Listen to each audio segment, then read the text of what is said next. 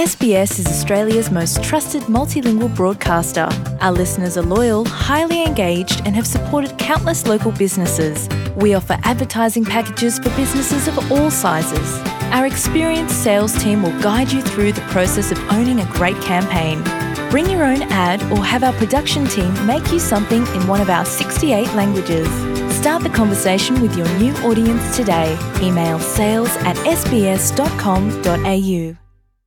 ខ្ញុំបាទមេងផល្លាមានសេចក្តីរាយការណ៍និយម2រដ្ឋមន្ត្រីប្រកាសពីការនាំចូលឈើពីក្រៅប្រទេសយកមកប្រើប្រាស់នៅក្នុងប្រទេសកម្ពុជាកើនឡើង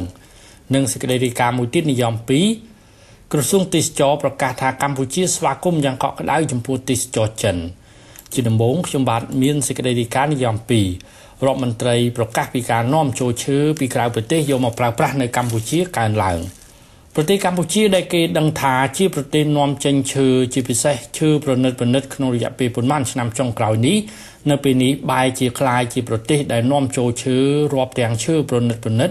យកមកប្រើប្រាស់វិញហើយកើនឡើងទៀតផងនៅពេលបច្ចុប្បន្ននេះបើតាមរដ្ឋមន្ត្រីក្រសួងកសិកម្មរុក្ខាប្រមាញ់និងនេសាទ នៅក្នុងសន្និសីទកសែតកាលពីព្រឹកថ្ងៃទី5ខែមករាលោកដិតទីណារដ្ឋមន្ត្រីក្រសួងកសិកម្មរុក្ខាប្រមាញ់និងនេសាទបានប្រកាសថាការនាំចូលឈើពីក្រៅប្រទេសយកមកប្រើប្រាស់នៅក្នុងប្រទេសកម្ពុជា មាននិន្នាការកើនឡើងគួរឲ្យកត់សម្គាល់នាពេលបច្ចុប្បន្នលោករដ្ឋមន្ត្រីដិតទីណា ស្ថានភាពព្រៃឈើនិងសត្វព្រៃយើងបានឃើញនៅតម្រូវការដែលមានការផ្លាស់ប្ដូរដូចគ្នាហើយនឹងទម្លាប់នៃការប្រើប្រាស់ឈើ មានការផ្លាស់ប្ដូរដូចគ្នា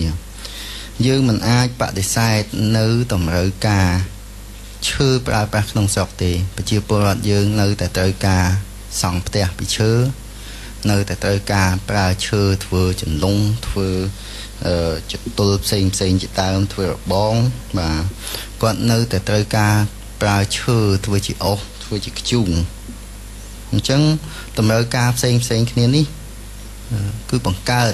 ជាសម្ពាធមួយចំនួន ទៅលើ ធនធានធម្មជាតិយើងដែលមានអញ្ចឹងការវិយតម្លៃអំពីតម្រូវការជាក់ស្ដែងគឺជាផ្នែកមួយនៃការរៀបចំទស្សនៈទានថ្មីបាទប៉ុន្តែទន្ទឹមនឹងនេះក៏យើងកត់សម្គាល់ឃើញដែរថានិន្នាការនៃការប្រើប្រាស់ឈើនាំចូល មានការកើនឡើងខ្ញុំគិតថាមាន បងប្អូនប្រជាពលរដ្ឋមួយយើងមួយចំនួនប្រកាសជាភ្ញាក់ផ្អើលបើដឹងថាសប្តាហ៍ថ្ងៃនេះ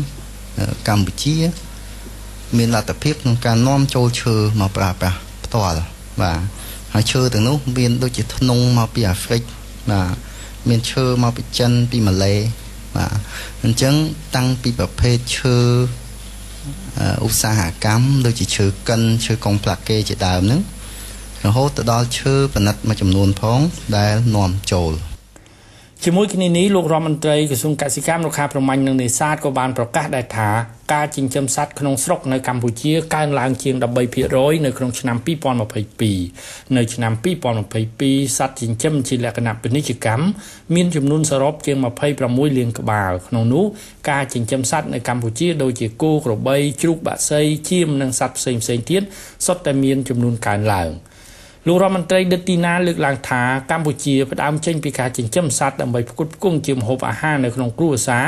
មកជាការចិញ្ចឹមសត្វដើម្បីលក់យកផលចំណេញបច្ចុប្បន្នកម្ពុជាក៏មានកសិដ្ឋានចិញ្ចឹមសត្វកាន់តែច្រើននិងមានទំហំកាន់តែធំ ហើយលែងប្រើប្រាស់ចំណីសត្វដែលផលិតដោយខ្លួនឯងទៀតហើយ